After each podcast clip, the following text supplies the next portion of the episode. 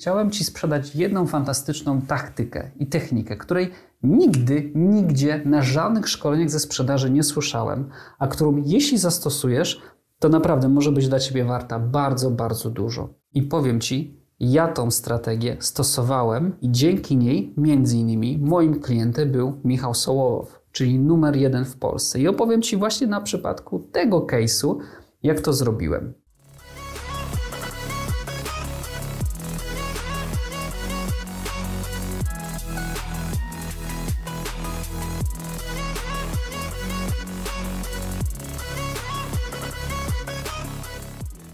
Cześć, ja się nazywam Dawid Pałka, jestem przedsiębiorcą, właścicielem kilkunastu biznesów w Polsce, za granicą, spośród których dwa są największymi biznesami w Europie w swojej dziedzinie, dwa kolejne największymi biznesami w Polsce. I jestem tu po to, żeby dzielić się swoim doświadczeniem i swoimi umiejętnościami. Zanim zbudowałem wszystkie swoje biznesy, pracowałem w korporacji jako headhunter. Nie wiem, czy wiesz, czym jest headhunting. Headhunting to jest rekrutacja, ale taka wyjątkowa. Nie taka jak rekrutuje dział HR, to jest rekrutacja, w której to sprzedawca, czyli headhunter, musi na zlecenie klienta znaleźć produkt, nazwijmy to produkt, czyli osobę, której dana firma poszukuje, musi do niej dotrzeć, dodzwonić się wyciągnąć ją, przekonać się jakby, że ten projekt jest ciekawy, wyciągnąć ją, dostać od niej CV, wysłać do klienta. Jeśli klient potwierdzi, że to jest to, to mi się podoba, umówić spotkanie rekrutacyjne,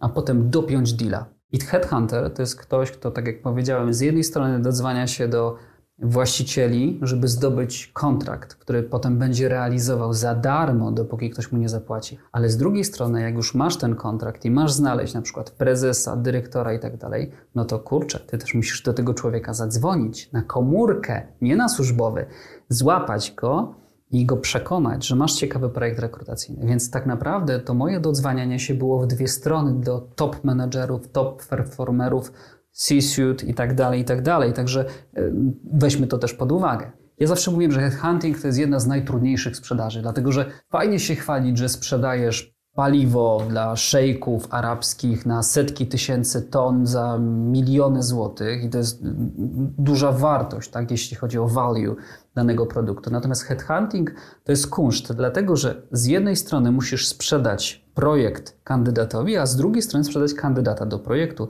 Więc Twój produkt nie jest statycznym, pasywnym produktem, to jest osoba, która ma coś do powiedzenia, może w każdym etapie sprzedaży, czyli rekrutacji, się wycofać. Więc musisz sprzedać w dwie strony, jedną i drugą, a potem jeszcze cały czas mediować, żeby projekt szedł w dobrą stronę. I niestety w rekrutacji, w headhuntingu około 25% projektów się dowozi, cała reszta wypada. A ja nie mówię tutaj o sprzedaży, tak, olejku sprzedażowym, mówię tylko, tylko o tych konkretnych, już prawie pewnych dealach to 25% tylko się zamyka. Po tym przydługim wstępie chciałem Ci sprzedać jedną fantastyczną taktykę i technikę, której nigdy, nigdzie na żadnych szkoleniach ze sprzedaży nie słyszałem, a którą jeśli zastosujesz, to naprawdę może być dla Ciebie warta bardzo, bardzo dużo. I powiem Ci, ja tą strategię stosowałem i dzięki niej, między innymi, moim klientem był Michał Sołowow, czyli numer jeden w Polsce. I opowiem Ci właśnie na przypadku tego case'u, jak to zrobiłem? Często słyszałeś pewnie szkolenia, jak przechodzić przez filtry, jak pokonywać przeszkody, sekretarki itd., itd., itd. To, czego Cię być może nie uczą, a być może gdzieś już to słyszałeś,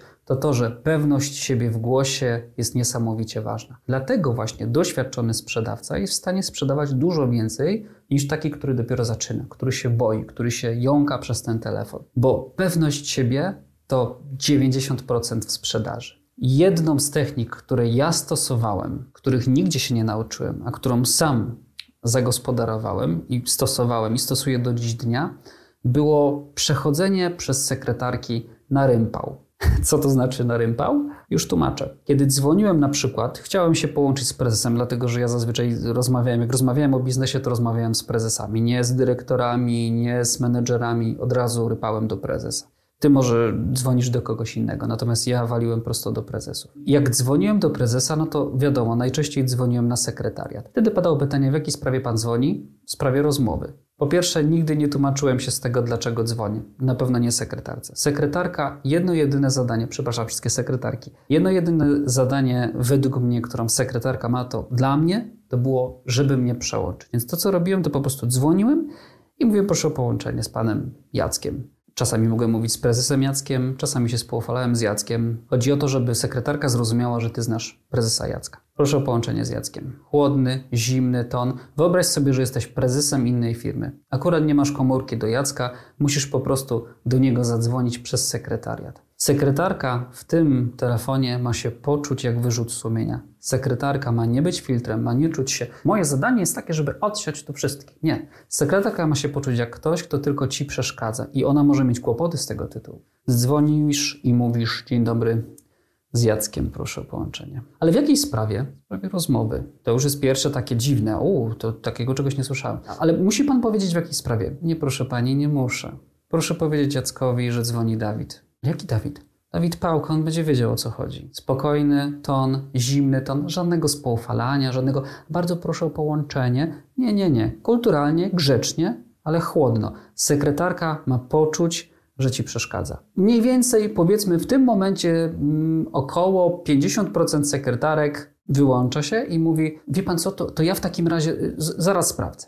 Dzwoni do prezesa Jacka, jeśli ma taką możliwość, prezes Jacek mówi, nie kojarzę gościa. Jeśli tak będzie, bo jest jakaś szansa, że tak mniej więcej 20% prezesów w tym momencie odebrało ode mnie połączenie z tych 50, czyli 10 z całości. Często jest tak, że sekretarka wraca, prezes Jacek pana nie kojarzy. Wtedy mówisz, ok, proszę przekazać prezesowi Jackowi, że mieliśmy się okazję poznać tu i tu. Musisz mieć jakiś dobry powód, tak? E, że, że jakby miałeś okazję rozmawiać z prezesem Jackiem, ale tak naprawdę to będzie tylko jakaś mała procentowa ilość szans. Więc jakby ta ścieżka jest taka, że tu się kończy ona wtedy powie: OK, dobrze, dobrze, albo poprosicie, żebyś wysłał maila, albo coś w tym stylu i tak dalej. Jak sekretarka prosi, żebyś wysłał maila, zrób coś takiego. Proszę pani, nie wysyła maila, ja podam swój kontakt. Proszę, żeby prezes Jacek jeszcze dziś do mnie odzwonił, bo sprawa jest dosyć pilna. Podaję numer tylko dla informacji pana Jacka. Dobrze? Sekretarka zapisuje, wie, że jest coś, to, to jest coś ważnego. Biegnie do prezesa Jacka, przekazuje mu tę informację. Prezes Jacek zaczyna się zastanawiać: cholera, może się to jest rzeczywiście takie ważne, to jednak powinienem odzwonić. No ale nie chcę też pokazać, więc nie wiadomo, może odzwoni, może nie odzwoni. Jak nie odzwoni, no na Boga, no to trudno,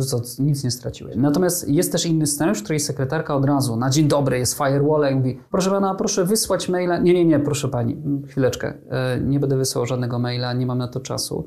Ja pani podam mój numer telefonu, proszę przekazać do prezesa Jacka. Czyli ta sama ścieżka, co przed chwilą przedstawiona, tak? Żeby jeszcze dzisiaj do mnie odzwonił. Jest też trzeci scenariusz. I teraz jakby uważajcie, bo to jest jakby mistrzostwo świata. Często będzie tak, że pani sekretarka, pani firewallarka powie, że prezesa nie ma w tym momencie, ja mogę mu przekazać wiadomość. Powiedzcie tonem, proszę mi podać komórkę do prezesa. Uwierzcie mi, tak mniej więcej 20-30% poda wam komórkę. I to jest mój case z Michałem Sołowem, z prezesem Michałem Sołowem. Numer jeden na liście 100 najbogatszych Polaków. Zadzwoniłem do sekretarki, powiedziałem, że dzwonię, bo chciałem się przypomnieć prezesowi, Powiedziałem, że mm, rozmawialiśmy wcześniej. Powiedziałem, że proszę jego komórkę. Normalnie, po prostu. Serce tam biło, ale poprosiłem o komórkę. Dostałem komórkę, zadzwoniłem do Michała i zrobiliśmy wiele deali od tego czasu. Bo oczywiście miałem dla niego jakąś wartość, tak? Bo jak ja jestem, wiecie, call center i nie mam nic wartościowego do sprzedania, to nawet bym się wstydził dzwonić do niego. Ale jeśli wiem, że mam wartość, która dla niego jest sensowna jako przedsiębiorca, jako biznesmena, no to nie boję się dzwonić. I to jest też ta moja pewność siebie. Dzwonię, bo wiem, że mam coś wartościowego do zaoferowania. Mówiąc wprost, podsumowując cały ten długi, długi wywód, jedna rada, jedna złota rada, którą mogę Wam dać, nie pięć, nie 10, nie 15 sposobów na sprzedaż, bla, bla, bla. Jedna rada, którą sobie zapamiętajcie. Kto pyta, ten dostanie odpowiedzi. Pytajcie. Proszę o podanie numeru do prezesa. Proszę o numer do prezesa. E, proszę o połączenie. Nie mogę Pana połączyć. Proszę zapisać mój numer, niech do mnie odzwoni. Jesteście ważną osobą. Nie bójcie się pytać, nie bójcie się, nie wstydźcie się, po prostu próbujcie. Jeśli podoba Ci się ta rada, oglądaj, subskrybuj, polub mój kanał, dlatego że często daję dużo dobrych rad dla sprzedawców, bo sam byłem top performerem przez wiele lat i rekrutowałem bardzo ważne osoby. Także jeśli chcesz czerpać najlepsze przykłady i zbierać najlepsze tipy, oglądaj. Dzięki.